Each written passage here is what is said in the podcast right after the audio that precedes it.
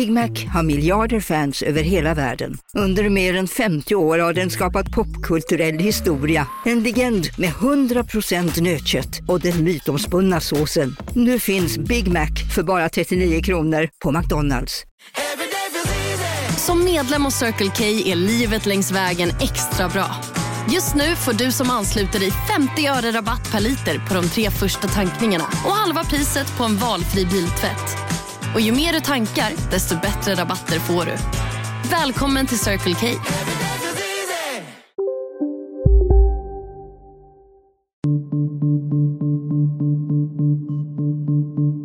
Alla människor mellan 5 och 100 år vet vad ordet corona betyder. Vi sitter nu på skolbänken. Vi ska få det där examen i tålamod. Den osaliga och eh, nästan hemska ekvationen, den är ju grym. Nu måste varje andetag vara heligt, framförallt för de som är på väg att kanske läggas i respiratorer. Det är approximativt 60 generationer mellan oss och Jesus. Det innebär att vi får plats i en stor skolsal. Detta är kriget, det är ett andligt krig. Rent materiellt, ekonomiskt, hade vi det sämre än 99 procent av de som bränner bilar idag. Att man sedan kallar dem för vilsna och att det är undan, eh, utsatta områden, det är bara trams. Rent ut sagt trams. Och Edvin, han bredde smör med sin kniv och så är det som om han speglade sitt ansikte i den smala, smala eh, øh, stålbiten utav kniven. Och där i den smörklicken finns hela min barndom. Han har skapat ett eget litterärt språk och har fortsatt att gå sin egen väg. Men vad är det som Björn Ranelid vill åstadkomma med sina många böcker, föreläsningar, tv-framträdanden och medverkan i reklamfilmer? Och hur tror han att Sverige ska kunna finna kraft och framtidstro när vi börjar räkna in vad coronakrisen har kostat? Och vad menas med att paradiset har tunna blad så att vi måste bläddra med en nål i handen?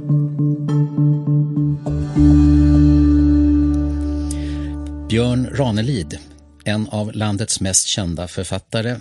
Välkommen till fredagsintervjun. Tack så mycket. Hur har coronakrisen påverkat dig och din familj? Vi har eh, påbörjat en eh, läxa i tålamod, fördragsamhet, information och efterlevande i förhållande till eh, hur respektive myndighet och expertis inom läkarvetenskapen rekommenderar människor att förhålla sig till omvärlden beroende på ålder, eh, riskfaktorer, underliggande sjukdomar med mera. Men den där läxan och den där skolbänken som jag befinner mig på och i, det ska, hoppas jag, leda fram till någon form av försiktigt eh, eh ställningstagande till den nya världsordningen ekonomiskt eh, och eh, vårt sätt att förhålla oss till det materiella, till resor, till de vanor som vi måste bryta i den betydelsen att vi har tagit för mycket för givet. Och jag ser det här med coronan som en, en läxa i vad människan är inom, innanför huden och hur vi förhåller oss utåt. Så det är både en, det är en dialektik mellan det vi gör utåt och det vi tänker och reflekterar i förhållande till det inre. Mm. Ja, du, du, skrev på din Facebook-sida för en månad sedan drygt att vi lever just i början av en ny världsordning. Eh, inga stora företag är benådade och immuna. Du skrev att vi är elever i världens största skolklass och så till och med det här med att vi lever i, i en ny tideräkning. Eh, vad menar du med ny tideräkning och så? Mm. Eh, väldigt spännande att du tog upp det med mig. Det är approximativt 60 generationer mellan oss och Jesus. Om du har 60 elever i varje klassrum så har du 60 generationer mellan oss och Jesus och den tideräkningen. Det innebär att vi får plats, 60 generationer är det mellan oss och Jesus. Det innebär att vi får plats i en stor skolsal. Ingen människa tänker på detta i, i, i, den stund som är just nu, 2020 i maj. Att eh, eh, från Jesus fram till att du och jag samtalar nu så sitter vi i samma klassrum. Det är en av världens viktigaste meningar som sägs just nu. Och det, ingen tänker på det just nu i hela världen, det vågar jag lova dig. Det är 60 gånger 60, det är 3000, du kan räkna hur mycket du vill. Det är ungefär 60 och tar du 33,4 på genomsnittsåldern så räknar du väldigt lågt när, med tanke på sjukdomar. Så att den nya tideräkningen är nu efter första och andra världskriget och sen har du Korea 51 till 53, Iran, Irak, Afghanistan och Syrien. Så har du eh, 9-11, mordet på John F Kennedy och Martin Luther King och Robert Kennedy eh, Olof Palme och eh, Anna Lind så blir det en ny tideräkning så tillvida att hela världens mänsklighet är inblandad. Alla människor mellan 5 och 100 år vet vad ordet corona betyder. Du hittar nästan inget annat ord, inget annat begrepp i världen just nu där en femåring eh, som kan tala och, och är på väg in i att lära sig skriva. Det är väldigt spännande. Så den nya tideräkningen för mig är ett nytt sätt att förhålla oss till det materiella, ett nytt sätt att förhålla oss till vår nästa. Och vår nästa del är medmänniska. Omsorg, ömsinthet med äldre människor, tänka på att man kanske inte alla gånger kan umgås med sina barn och barnbarn som vi är eh, vana vid. Nu blir det Skype, eh, telefon, eh, vi får lära oss att eh, Eh, titta på dem i telefonerna, titta på dem i våra datorer. Och detta är inget ont i det för denna längtan som nu sker under hand, den kommer att förstärkas och bli till, om man nu fäller ut dialektiken, det blir en syntes. Dialektiken leder fram till att du kommer att bli ännu mer ömsint, ännu mer omsorgsfull mot din nästa. Jag är väldigt positiv i den betydelsen att jag ser inte enbart detta som något negativt, alltså i betydelsen att vi sitter nu på skolbänken, vi ska få det där examen i tålamod. För vi har tagit så mycket för givet i världen idag, framförallt unga människor, med att kunna resa långt bort, eh, tågluffa och allt vad det nu är. Det tar en sekund för att skicka ett medel till Afrika, Indien, Kina. Allt det där får vi omvärdera och tänka om. Och det, vi behöver denna läxan mänskligheten idag, för vi har tagit så oerhört mycket för givet, inklusive det vi föds med som vi inte själva är förtjänta av hjärnan, hjärtat, lungorna, andningen. Nu måste varje andetag vara heligt Framförallt för de som är på väg att kanske läggas i respiratorer.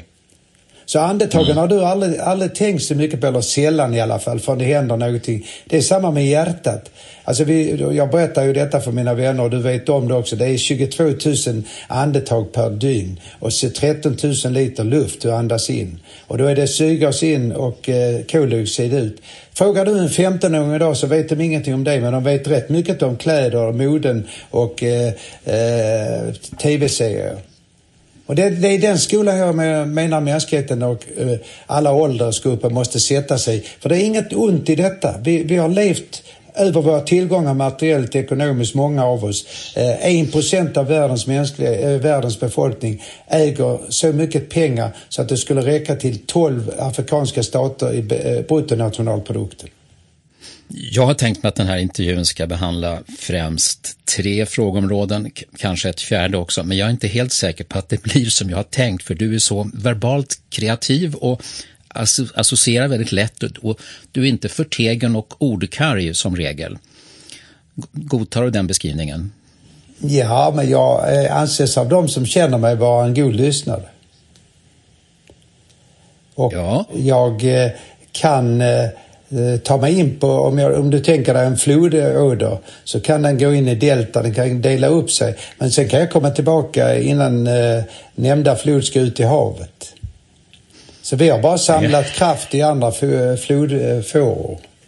Så att ställer du en fråga till mig och du avkräver mig ett precis svar i enlighet med din fråga så får du det också. Så prova ska du se. Ja, det ska jag göra. Det ska jag prova. Den kris som vi går igenom just nu, det finns väl en del skilda uppfattningar om vilka konsekvenser och svårigheter som blir de allvarligaste. Eh, men vad är din uppfattning om vad som kommer att avgöra hur pass väl vi kommer att klara av det här? Eh, än en gång, tålamod, klokhet, visdom, lyssna på expertisen. Fauci i USA jag sa idag och igår att vi, eh, amerikanska staterna, delstaterna, guvernörerna som har råd över detta, faktiskt över presidenten eller längs med presidenten, måste tänka sig för innan man öppnar, låta ekonomin vara överordnad i förhållande till eh, hälsan. Och då har du samma problem som gällde innan i den gamla tideräkningen. Att ekonomin, det materiella, är överordnat. Jag säger detta, så det, nu får du mitt precisa svar och jag tackar Gud för att detta svar jag ger dig nu är ett syskon till de svar jag gett dig tidigare. Därför att om, om, vi nu inte lyssnar på Fauci och kloka människor så kommer man att öppna delstaterna för tidigt. Och då är vi tillbaka i de gamla tänkesätten, de gamla förhållningssätten, nämligen att pengarna är viktigare än allting annat. Det är samma inom fotbollen. Ska man låta respektive liga i Italien, Spanien, Frankrike, Sverige, eh, England eh, bestämmas av pengarna, tv-pengarna eller vad det än är, sponsorerna. Istället för att låta visdomen, klokheten, medicinska vetenskapen, eh, vi väntar ut, vad säger de nu? Nu kanske det är mer lämpligt att öppna respektive stat, delstat i USA. Så att, eh, annars går vi tillbaka, då är vi tillbaka den gamla tideräkningen, att ekonomi, pengar eh, och det materiella är viktigare än hälsan och det är inre det inre mirakel du föds med, nämligen att du ska kunna andas, du ska kunna i alla fall få leva 70-80 år om du inte är alltför sjuk. Mm, men om du sympatiserar med Anthony Faucis skepsis, att han tycker att det kanske öppnas upp för snabbt i USA, vad tycker du då om den, den svenska mellanstrategin som vi har haft mot virusspridningen? Ja, jag har haft så många tankar om detta så jag vill inte, jag vill inte delge dig med en, kanske en promille av det jag tänker. Eh, jag kan bara säga så här pass mycket att eh, när vi får så kallat facit i hand, då är ju allting för sent. Därför att eller så är det, är det, hade vi rätt eller är de som har bestämt åt oss och rekommenderat åt oss. Så att vi får, vi får faktiskt vänta ut det här. Det låter ju lite konstigt. Samtidigt är det ju rätt underbart att kunna säga att de som har levt i en vantro och vanföreställning, i fantomföreställning, att Sverige är så reglerat av byråkrati och annat, de har fått fel. De, de har inte har fått fel, de har fel. Därför att det har vi visat sig att vi är de kanske mest eh, diplomatiska i förhållande till den enskilde individens beslutsfattande och ansvar. Så detta är en paradox i förhållande till det som har varit rådande, nä, nästan alena salig rådande i Sverige. Nämligen att byråkratin och myndigheterna bestämmer åt enskild, enskild svensk och enskild individ. Men nu visar det sig att här läggs ju ansvaret över till dig. Ska jag hålla mina avstånd? Ska jag hörsamma om jag är över 70 år? Ska jag tänka på att jag kan inte gå och handla? Ja, men är vi mogna att ta det där individuella ansvaret? Tycker du att det har visat sig att det är rimligt att, att lägga så pass mycket på var och en? Nej, inte överallt. Det har visat sig på restauranger där man tvingas stänga i Stockholm. Och jag vet ju från min egen dotter när hon berättar om Malmö att de slarvar på det sättet att de sitter tätt på Lilla torg i Malmö. Jag får ju ögonvittnesskildringar varenda dag. Och jag vet ju också om att det är fallet i Stockholm och andra platser. Sen vet vi inte heller om det är en fördröjningseffekt där och jag är inte riktigt glad för begreppet flockimmunitet. Jag tycker inte om begreppet. Därför att det finns en slags eh, implicit cynism i detta. Nu menar jag inte att de är cyniska som uttalar utsagan. Men jag menar att det finns en implicit cynism i det faktum att, att eh, det ska visa sig vetenskapligt då att detta var rätt med flockimmuniteten därför att kanske 20 eller 30 procent av stockholmarna redan är eh, smittade. Men man kan inte belägga om det finns antikroppar. Så det, det, det, finns så många aspekter på detta så att det är nästan outtömligt. Men icke desto mindre så är det så att vi, vi får vänta, vänta på svaret. Och då kanske det visar sig att Sverige är ett sådant land där man inte är så eh, bunden till det vi har kallat, kallat för byråkrati. Utan tvärtom visade det sig att Sverige var exemplariskt eh, ansvar, eh, låta individerna själva ta ansvar. Men det finns ju ett synsätt eller en opinion som tycker att Eh, det är väldigt, att det är påfallande hög dödlighet i Sverige. Det är inte högst i världen, men, men, vi ligger ändå bland, bland de högre, å ena sidan. Å andra sidan så håller på ekonomin, företagen, eh, det som bygger vårt välstånd håller på att klappa ihop och kräver hundratals miljarder i stöd. Hur, hur, hur hittar man rätt balans här? Vi, vi tar det första du sa. Det första du säger, då är det så att 43, 44, 45 procent av de som är döda i Sverige, är, i Stockholm, ursäkta mig, är inom äldreomsorgen. Och eh, detta är, det är inte så svårt att förklara. Antingen är det så att personalen har varit smittad när de kommit och oftast är det så att de inte har fått rätt information, eh, de har inte rätt eh, skyddsutrustning och det, man, man, vet inte om eh, eh, hur länge man är smittbärande utan att det har visat sig symptom. Asymptom, eh, ja, att individen i fråga inte själv är medveten om att han eller hon är smittad. Och så mm. kommer du till äldreboenden och så smittar du patienter. Och många patienter, eller en del i alla fall, är kanske dementa och eh, rör sig lite hur de vill i rum och korridorer och förstår inte instruktioner. Så den, den osaliga och eh, nästan hemska ekvationen, den är ju grym. Du, det som skapar trygghet i ett land och stabilitet och sånt där, det brukar sägas att i Sverige har vi starkare tillit än man har i övriga världen och det handlar både mot medmänniskor och även förtroende för myndigheter och, och offentliga institutioner. Är det bra att vi fungerar på det viset? Mm. Min tystnad beror på att jag måste tänka skarpt Ja, det är rimligt ibland. Ja, jo, jo, jo. Eh, jag måste besinna. Om det nu stämmer? Det, att, att det... Ja, alltså det, det, är ju så också att kanske... Mätningar visar ju det. Nej men det, då, då förlänger vi skolbänken. Vi låter den komma in även i mitt svar här. Att det, det, är, en, det är en ständig leksak, en pågående undervisning. Och jag ser inte något ont i detta. Tvärtom, jag har ju sagt till dig privat när du pratar med mig i telefon att jag har inte varit så här lugn på 36 år. Jag har inte en sekund eh, känt en törst och längtan efter att jag måste göra det eller det eller detta. Sen kan jag inte förstå att människor pratar om isolat. Om man nu inte är somatiskt sjuk eller äldre som man inte kan röra sig. Eh, här finns, jag tog upp med en fysiker idag. Ska vi säga att det finns en biljon hektar i Sverige där du kan röra dig. Norr om Sundsvall och Sundsvall ligger mitt i Sverige. En del fördomsfulla människor pratar om Norrland. Jag gör aldrig det. Sundsvall ligger ungefär mitt i Sverige. Rekreationsområden överallt. Men det är konstigt med en del svenskar. Då ska de plötsligt ta sig in i de redan förprogrammerade eh, rekreationsspåren och motionsspåren. Om du bara tar Stockholm så kan jag räkna upp 12 platser där du kan röra dig fritt utan att riskera en sekund att bli smittad. Du har hela södra Djurgården, norra Djurgården, du har eh, Vasaparken. Kan man räkna bort, du kan ta Haga, du kan ta hela Tantolunden, du kan göra ut... Men du, nu, du är ju i Kivik nu, där, är, där du och din hustru Margareta, ni har ett, ett hus där i Äppelmetropolen Kivik. Har, har ni flytt dit från Corona Stockholm eller är det, varför är ni där just nu? Du är rolig Staffan, för jag vet att du vill ställa så här brännande frågor. Och du vet, inte, du vet inte heller om att jag svarar alltid ärligt på alla frågor.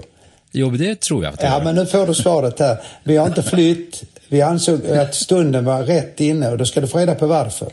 Eh, ja. Sedan Margareta gick i pension, så, så när hon var skolsköterska på Adolf musikklass och dessförinnan i Ystad och på en del andra platser, då slutade hon ungefär den 10 eller 13 eller 14 juni respektive år. Då åkte vi ner till Skåne. Eh, sedan Margareta gick i pension, för tidig pension om man säger så, så kan vi åka ner egentligen när vi vill. Därför jag kan ju sitta och skriva och framträda och jag kan ha mitt, min bas när jag ska åka runt i Sverige. Eh, och dessutom är själen både snabbare än ljuset och dessutom rör den sig över hela världen. Då är det så här att eh, i år valde vi att, efter, att efterleva och jag sa ju i inledningen på mina svar att man ska lyssna på rekommendationer. Alltså stannade vi i Stockholm därför att jag ville inte åka ner då direkt att människor skulle bli lite ängsliga, inte förhållande till mig och Margareta, men ändå, jag ville vara solidarisk och tänkte jag gör inte så här nu så att, det var likadant med Gotland ju. Jag hörde en del röster från Kivik, inte jag, men jag hörde det på TV och jag läste det i tidningen. Så väntade vi ut det. Och eftersom vi åker bilen ner eh, direkt hit här så är vi rent vetenskapligt medicinskt omöjliga som smittämnen, smittkällor. Vi träffar ju inga människor när vi åker ner. Jag tankar full tank 80 liter. Så att det behöver jag inte ens bekymra mig om. Och så kommer vi på plats har vi 50 000 kvadratmeter Äppellund och havstomt. Eh, så vi gör, jag kan beställa hem mat. Vi har beställt hem mat så då får du hem maten också. Dessförinnan gick jag faktiskt och handlade i Stockholm och det visade sig att människor var väldigt eh, ömsinta och solidariska. Jag kan säga med 100% säkerhet att ingen gick närmare någon annan som stod vid, vid fruktdisken eller jag skulle köpa avokado eller bär eller frysta bär. Fem, sex meter från varandra. Det var inte fler än sju, åtta kunder på Coop på Hornsgatan en enda gång av de gånger jag gick ut. Jag gick en gång i veckan för jag ville inte Marita skulle gå. Och eh, när jag kom till kassorna så var det plexiglas sedermera. Och människor höll sina avstånd på respektive plats för det var tecknat och målat på golvet. Så att jag, jag lyssnade, Margareta lyssnade på rekommendationerna. Eh, vi körde, åkte bilen ner hit och eh, kom direkt till vårt sommarhus. Så det är det eh, absolut sanningsenliga svaret att få av mig. Men hur är det med din syn på vetenskap och evidens. Jag såg en krönika som du skrev i tidningen Metro för, ja, i och för sig tror jag, över tio år sedan. Eh, enligt uppgifter i Wikipedias artikel om dig så skrev du så här då. Darwin har fel i evolutionen. Ingen fysiker kan övertyga mig och lära mig någonting om denna kosmologiska balans som är fullkomligt sanslöst, sofistikerad och sublim.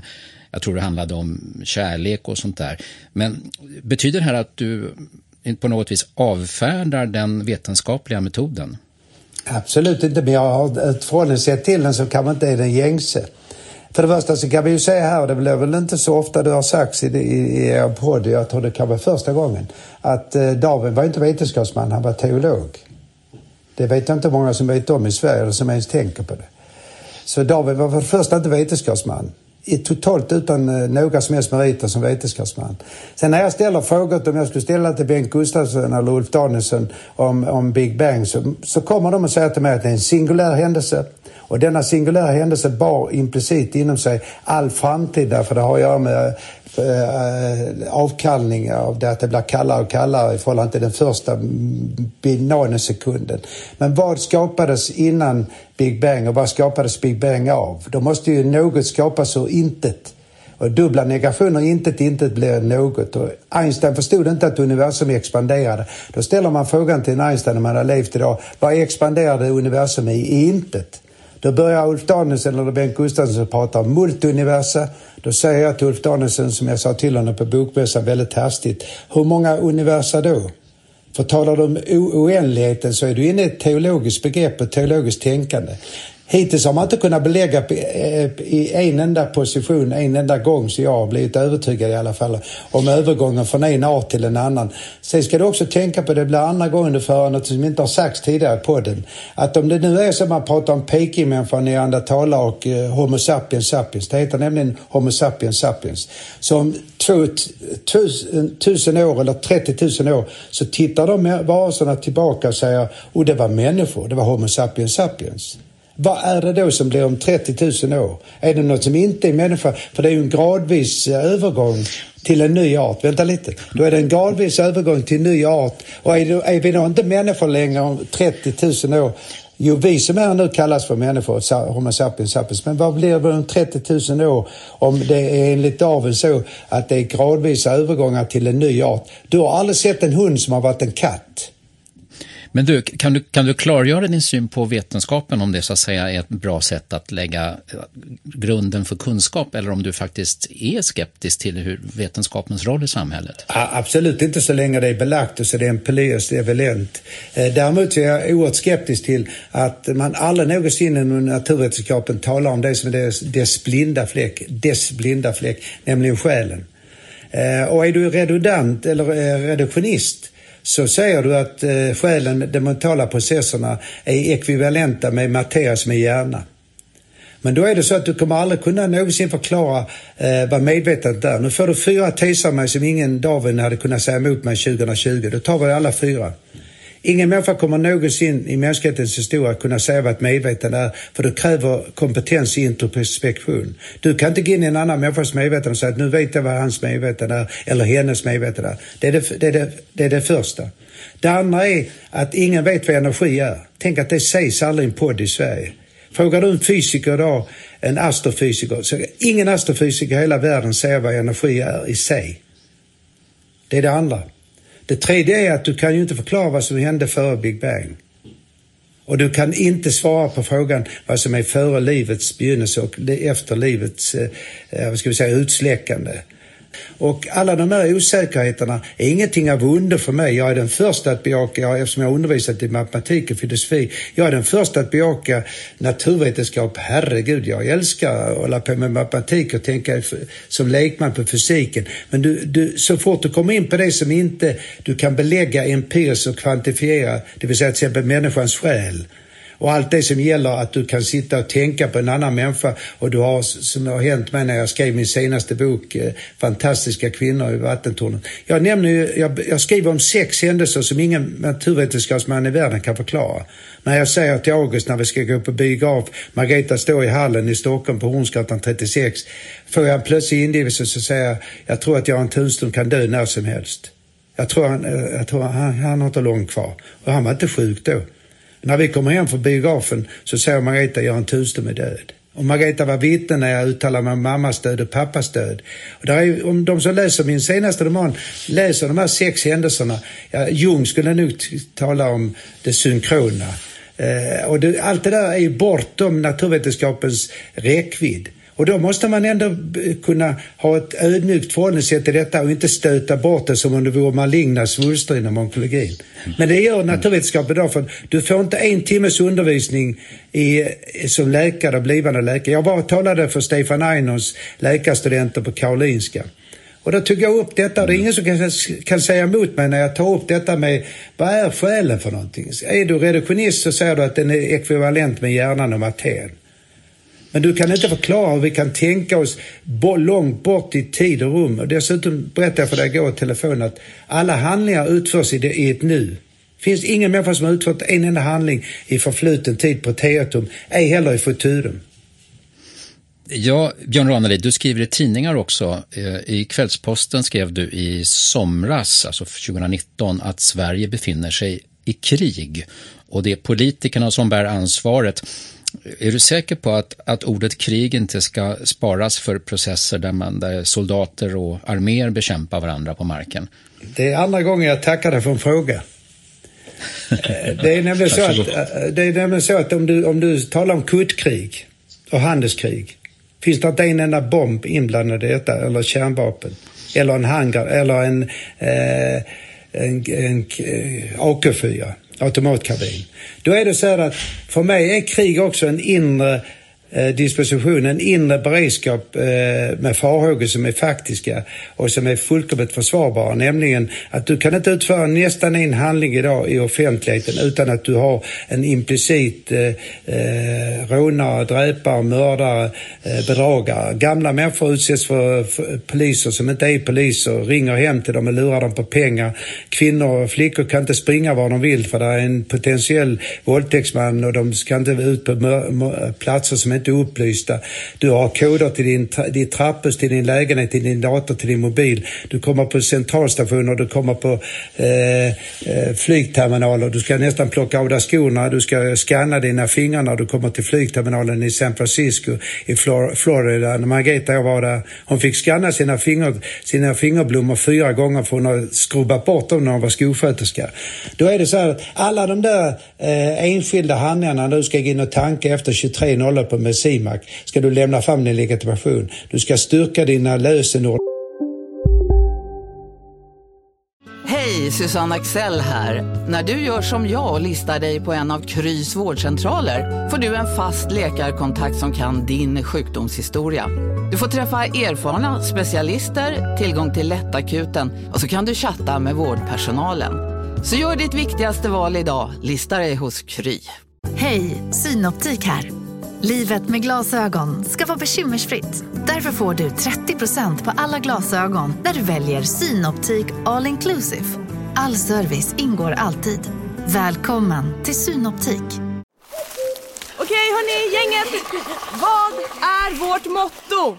Allt är inte som du tror. Nej, allt är inte alltid som du tror. Nu täcker vårt nät 99,3 procent av Sveriges befolkning baserat på röstteckning och folkbokföringsadress.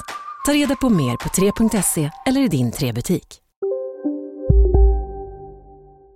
Överallt. Detta är kriget, det är ett andligt krig. Jag ville visa på och påvisa något som inte är eh, likvärdigt, eller ursäkta mig, liktydigt med det krig som man talar konventionellt om med vapen som har att göra med fysiska ting.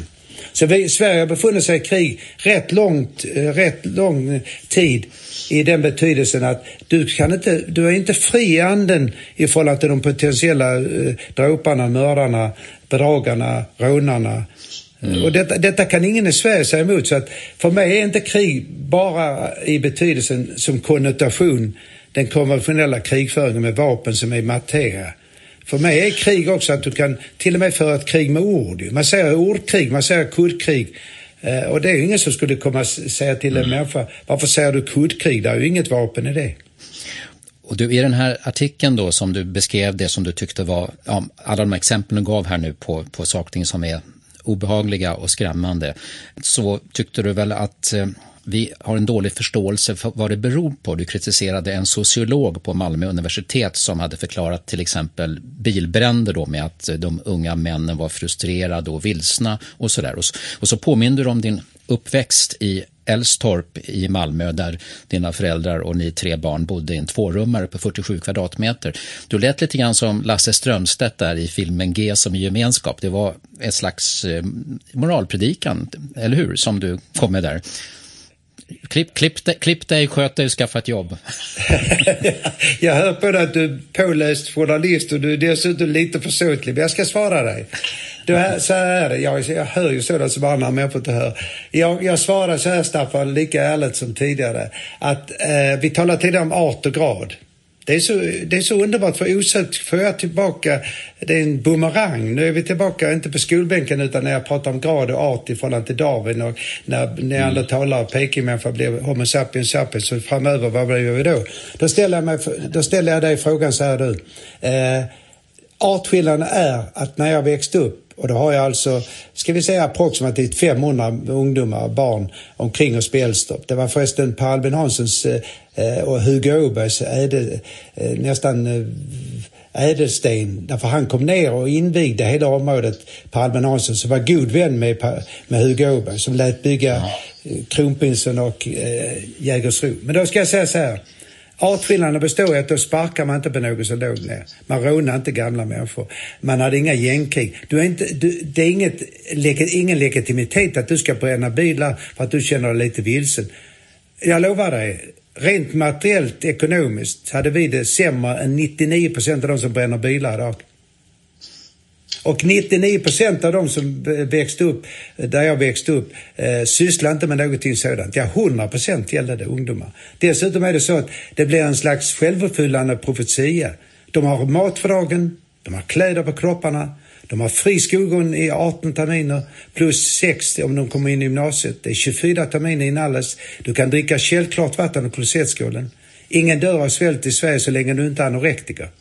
Du har hiss, du har tvättstugor, du har faciliteter i dina kök. Summa summarum rent vetenskapligt, sociologiskt, empiriskt hade de det, har de det bättre idag materiellt än vad merparten av våra, mina kamrater hade. Att man sedan kallar dem för vilsna och att det är undan, uh, utsatta områden, det är bara trams. Rent ut sagt trams. Har du något eh, recept som eh, borde användas istället då för det där sociologiskt omhuldade? Absolut, absolut. Jag har redan skrivit om det, men det har du kanske inte läst. Då är det så här att, att det är ingenting som borgar för, eller det finns ingen determinism mellan, för tvärtom är det så att en del människor som har haft väldigt svårt att ha alkoholiserade föräldrar, de, vänd, de konverterar som barn och vill inte ha med den världen att göra på det sättet att de blir renlevnadsmänniskor, de har redan sett det hemska. Eh, det sker alltså eh, en slags eh, förslappning i människors tänkande när de inte förstår att detta handlar om vilja och önskningar att hur du vill leva ditt liv. Du går din skola, du väljer att bli vapenkurir eller eh, hålla på med knark eller läsa dina läxor. Varför tror du så många barn som är bördiga från Iran med föräldrarna är så extremt duktiga i svenska skolor? Jag vet detta även empiriskt. Oftast är de extremt fokuserade på skolan. En taxichaufför i Stockholm har fem barn som har gått på KTH, Kungliga Tekniska Högskolan, samtliga fem. Därför att de säger till barnen, uppfostrar barnen eh, i en positiv mening. Uppfostran är inget negativt ord. Det är ingen negativ konnotation i begreppet uppfostran. För mig är uppfostran att du eh, ser till så att barnen efterlever och du själv ser till att förhålla dig till din medmänniska. Du lurar inte människor, du super inte dig bort ditt liv, du röker inte bort ditt liv, du röker inte så du får emfysem och KOL och nedsatt syreupptagningsförmåga i coronatider. Du ser till att det aldrig slår en kvinna. Du mördar inga människor, du dräper inga människor. Jag har skrivit gång på gång, jag tror jag är uppe i 25 gånger nu. Jag har varit krönikör i 20 år. Jag tror inte du vet om att jag var krönikör i, i 13 år idag i Sveriges största eller näst största facktidning där Stefan Löfven var huvudman, nämligen Dagens Arbetare där jag var huvudkrönikör. Så jag var krönikör mm. i fem år i Svenska Journalen och två år i Kvällsposten Expressen. Så jag har inalles varit krönikör i 20 år. Men då är det så att, att om man då tänker istället att människor uppfostras på ett positivt, konstruktivt sätt i förhållande till sin medmänniska, inte som någonting negativt. Uppfostran är ett positivt ord. Du lär mm. dina barn att de ska vara försiktiga förhållande till elden, att inte gå över en gata utan att ha tittat sig för fem, sex gånger. Det säger jag till mina, mina barnbarn och det är ren kärlek. Och på den tiden, och nu är vi inne på någonting väldigt viktigt, på den tiden, mest på gott, litet på ont, höll grannarna reda på varandra. På Eldstopp på Sallopsvägen 32F gick jag in till Anna och Edvin Nilsson vars enda barn hette Börje Nilsson och fick en liten fransbörbulle och pappan som jobbade i Malmös sista bondgård på Östra Framvägen kom hem och drack kaffe, drack ett glas mjölk och åt fransbröd och där satt jag som en liten parvel. Även jag fick en fransbrödskiva och Edvin mm. han bredde smör med sin kniv och så är det som om han speglade sitt ansikte i den smala, smala eh, stålbiten utav kniven. Och där i den smörklicken finns hela min barndom. Och den smörklicken flyttar jag sedan till rapsfälten på Österlen i början av maj.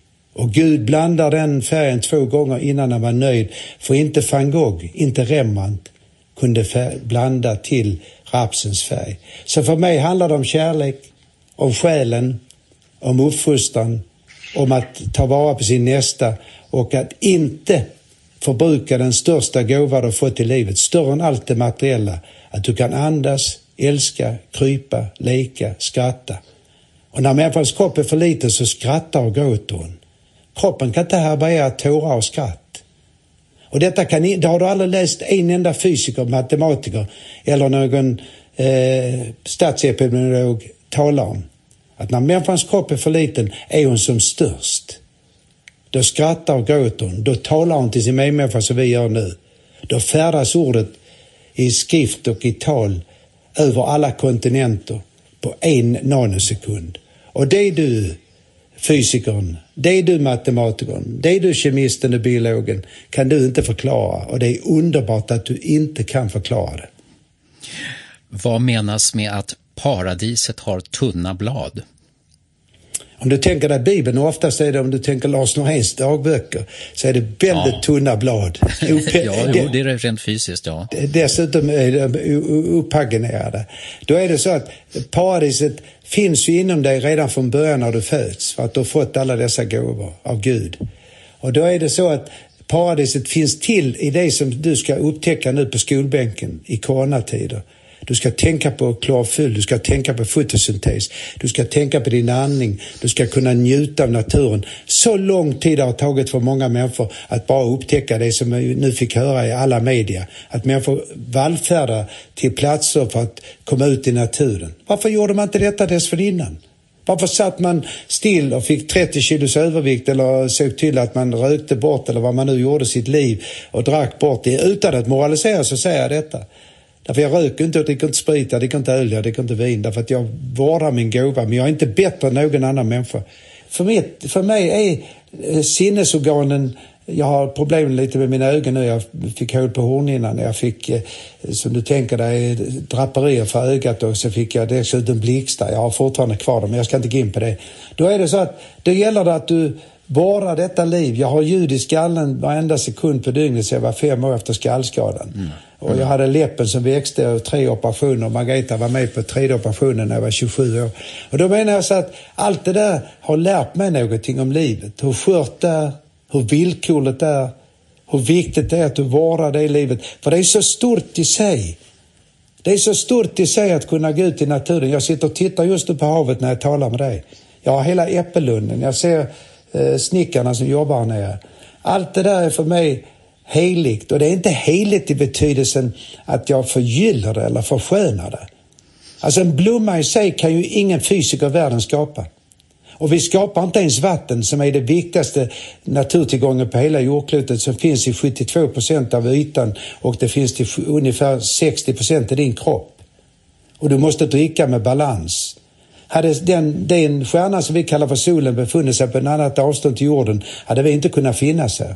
Hade det varit lite annan syresammansättning i luften hade du inte kunnat andas och överleva. Utan, utan koldioxid finns det inte en enda insikt, en enda växt, en enda människa på jorden. Och allt det där eh, är för mig en sammantaget en försiktig och gränslös insikt i gåvan och miraklet att du är född, du ska förval bör förvalta det, inte skall för det låter som ett imperativ. Eh, bör förvalta det, men förvalta det i kärlek utan att välja antagonismen och hat och hämnd. Din kropp äts upp inifrån om du hänför dig och hänger dig åt hat och hämnd och vendettor. Häromdagen avled en annan mycket känd författare, eller poet och dramatiker, Kristina Lugn. Hur ser du på hennes betydelse i svensk kulturliv? Kristina var ju en rolig människa och dessutom fullkomligt oförutsägbar. Och jag tror hon var en av de första som kunde gå in i tv-program och göra något roligt utan att det skulle brännmärkas för att så gör man inte som intellektuell, det är bara trams. Jag tycker man som intellektuell ska både få göra program, eh, program som jag har gjort med eh, Parnevik, Arga snickaren, Let's Dance på spåret, Stjärnorna på slottet. Men jag har också gjort, samtidigt som jag gjorde första Blocket-reklamen, så gjorde jag ju naturligtvis kontrapunkt. Och vem, vem, vem har hand om litteraturen i kontrapunkt? Jo, det har den som ska ansvara för all världens litteratur i tv-program. Vi gick till final och förlorade helt rättmätigt mot eh, Ebba Witt-Brattströms eh, lag. Men när det gäller Kristina Lugns produktion, eh, dikter och sånt där, har hon gjort något intryck på dig där? Ja, hon var ju rolig och slagfärdig. Dessutom mer begåvad som lyriker än vad jag är, för jag skriver inte lyrik. Eh, sen dessutom tycker jag hon blandade folkliga och det roliga och humorn med, eh, vad ska vi säga, ja, nästan en originalitet som är, inte går att läsa sig till. Man, jag påstår ju att originaliteten kan du inte läsa dig till. Det är som ett tumavtryck. Det är därför jag har sagt gång på gång utan att det är värderande att jag är ju ensam om mitt språk, men det är du också. Men människor tror med automatik att jag menar att jag skriver bättre eller är klokare än andra människor. Det är bara det att du har bara ett exemplar av varje människa på jorden. Det får du inte en fysiker till att förstå idag. Och dessutom så en biokemist skulle inte kunna säga emot mig när jag säger att eh, mutationerna börjar redan i koncipieringsögonblicket. Så enhetstvillingar har inte identiska genuppsättningar till 100 procent. Och det är därför vi låter människor göra tumavtryck och det är därför vi låter människor vara som de är i bästa fall. För enhetstvillingar längtar olika, sjunger olika, sörjer olika och talar inte identiskt eh, och skriver inte identiskt. Så allt det som blir fenotypen, och fenotyp det är det du visar, genotyp det är det du föds med. Så genotypen har du till exempel Downs syndrom, men fenotypen är hur, du, hur din din genotyp yttrar sig i sociala kontexter. Eh, ditt författarskap, det är väl ett 40-tal böcker nu ungefär som du har? 30, den 7 augusti kommer den 37 bok. 37? Mm.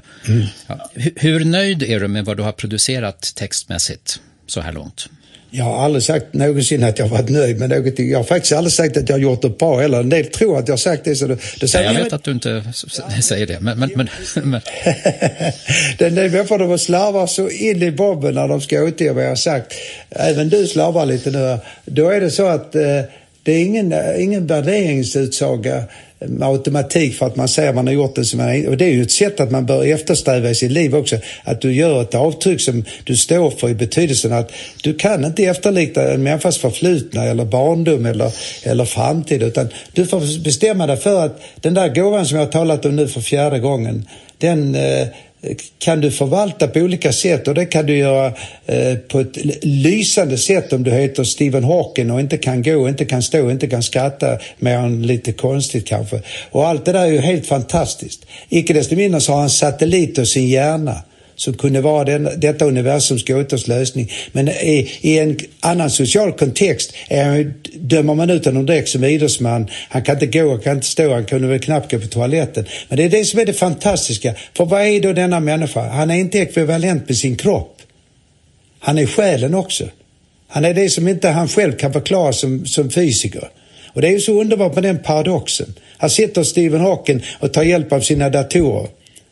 Men, och det är som en, en eh, furusang som tar sig ut i rymden och blir sommarpratare. Men han rörde sig en nanosekund ut i evigheten. Med hjälp av en maskin. Men jag skriver alla mina böcker utan hjälp av maskinen egentligen, om jag skriver för hand. Och när jag talar så är jag alltid på något sätt litet in i framtiden, även om det inte finns någon framtid, utan man är alltid i nuet. Och det är därför jag inte söker ord. Därför att min, mitt liv är, som jag sa hos Malou von Sivers, jag är neurologiskt dömd att alltid vara här och nu.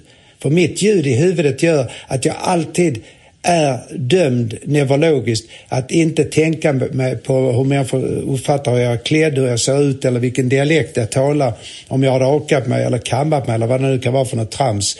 Eh, därför att när jag talar så, så eh, ut, använder jag mig av det miraklet jag föddes med. Förmågan att kunna tala sedermera mitt liv.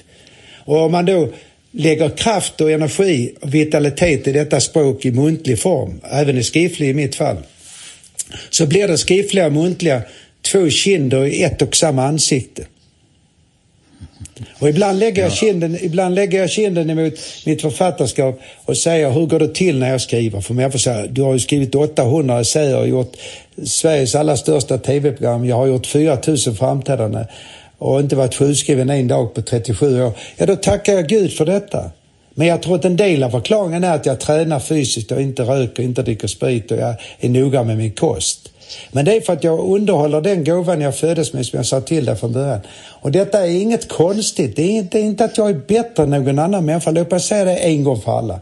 Och det är jag bara en obetydlig person på detta, denna jord som förvaltar en genotyp som fäller ut i en fenotyp där jag försöker ändå vara en, en liten, liten, liten händelse i Sverige, inte så stor. En liten, liten, liten händelse där jag kan ha gjort ett visst avtryck med mina böcker eller vad jag säger eller vad jag gör. Mm. Du fick Augustpriset för romanen Synden 1994. Jag såg ett kort filmklipp när du mottar priset. Det är en ganska ung Björn Ranelid som ser oerhört tagen ut, nästan chockad faktiskt. Va, va, det, det, såg ut så. Vad minns du av den där stunden? Eh, oerhört mycket. Jag kommer ihåg den som det vore nu. Där får du reda på något som inte har sagts i Sveriges Television eller Sveriges Radio och jag bemöter en som skrev en elak drapa i Dagens Nyheter. Jag har redan sagt till henne, jag säger inte namnet nu, för hon ljög. Hon har erkänt nu att det var ju fel, hon visste ingenting. Jag vill inte gå dit. Min dåvarande förläggare Daniel Hjort som dog för cirka två månader sedan, en förträfflig människa. Jag kunde tyvärr inte vara med på begravningen, ingen annan heller för den ställdes in.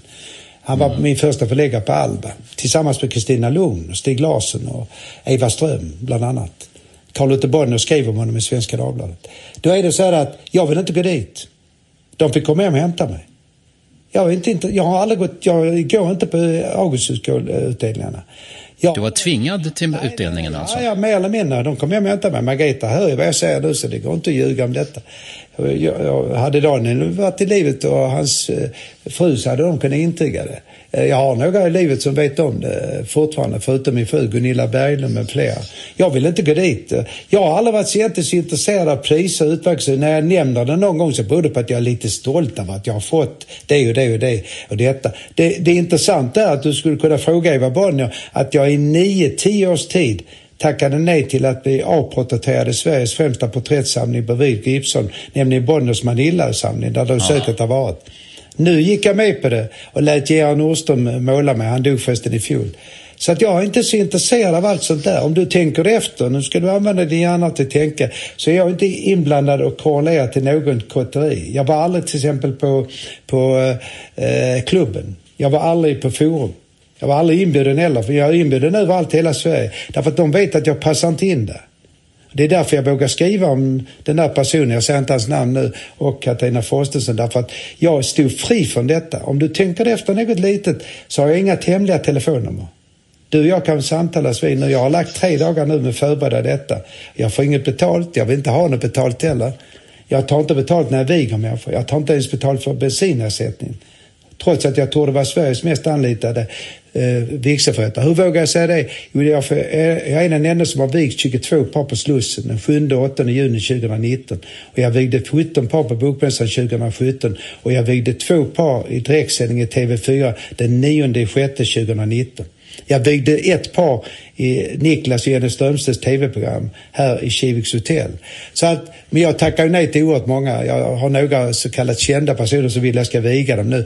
Då är det så här att, vad är nu detta Björn? Jo, det är två kinder det ena i samma ansikte. Det var skriften, det är talet, det är mina muntliga framträdanden. Varför säger Björn Ranelid att han har talat inför flest människor i Sverige? Jo, därför att jag tycker det är lite roligt. Alla idrottsmän, alla idrottskvinnor håller ju reda på många mål de gjort, vem som vann skytteligan. Och det, jag vänta nu lite. Det får man inte säga som intellektuell i Sverige. Däremot om man gör sig någonting illa eller uppför sig illa. Så då eh, är det ingen som säger någonting om detta. Däremot om du, om du har varit fotbollsspelare som jag och fått Augustpriset, Malmö stads kulturpris och varit filosofilärare, matematiklärare. Det, då blir de störda därför att jag gör det de inte klarar av. De klarar inte att vara med i Parnevik, Arga snickaren eller i Blocket och skriva all texter själv och göra allting själv och samtidigt vara med i Kontrapunkt och samtidigt som jag då, jag, eller inte samtidigt, men medan jag har gjort, eh, skrivit texten om Jussi Björling i praktverket Jussi, så tar jag också steget och skriver text i Lasse Stefans senaste skiva. Och då ska jag ställa frågan till dig, Staffan. Kan du ringa, var snäll och ringa mig imorgon om du kan hitta en enda människa i sinnevärlden som har gjort de där, tagit de sprången från dansband till, och kan du, kan du hitta en enda människa till i Sverige som har varit med i Melodifestivalens final och själv skrivit texten och stått på scenen? Det var som en, det var en journalist från Expressen som sa, ja men Lars Forssell, ja men du Lars Forssell stod inte på scenen.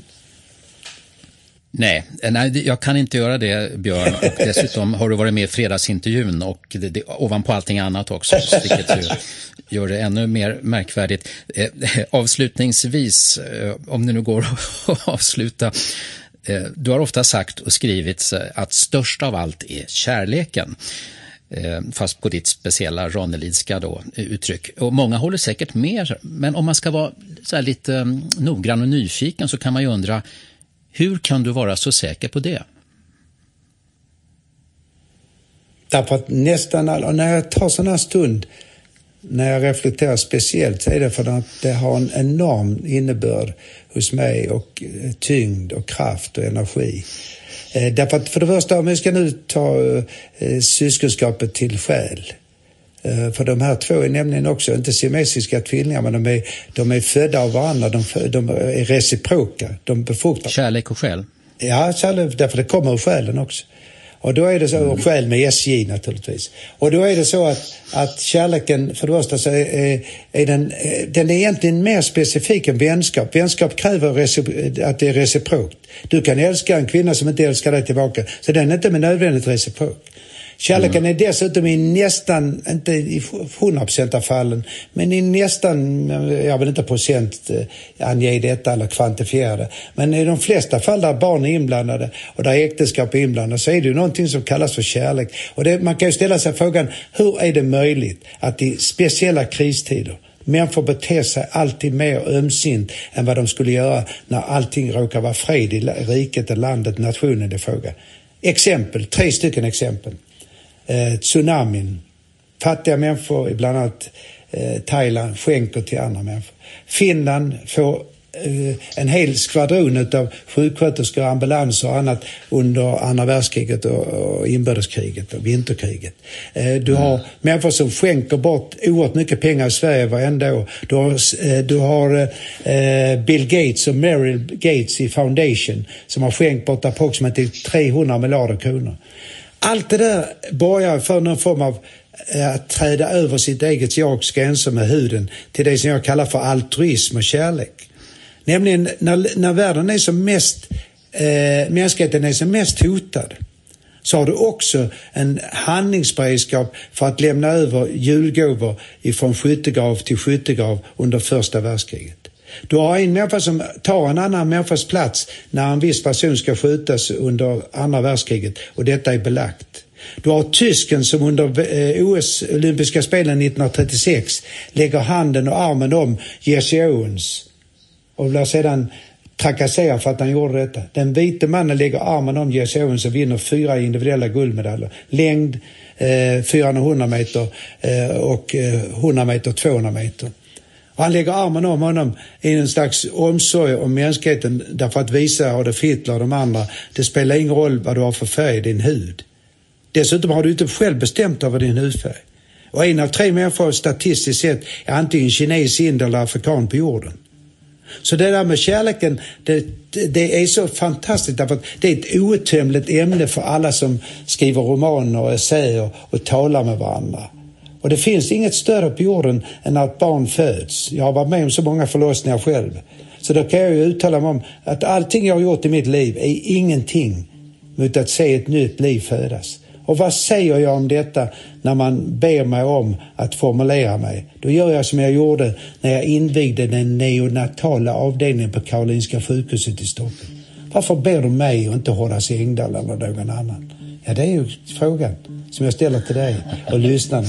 Och vad säger jag på Karolinska sjukhuset när det står 25 professorer, en nobelpristagare? Då säger jag följande. Hela mänskligheten ligger i kuvös.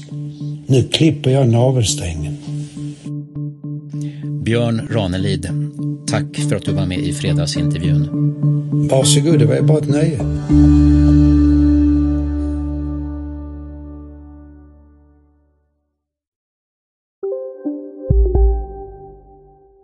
Välkommen till Maccafé på utvalda McDonalds restauranger med Baristakaffe till rimligt pris. Vad sägs om en latte eller cappuccino för bara 35 kronor? Alltid gjorda av våra utbildade baristor.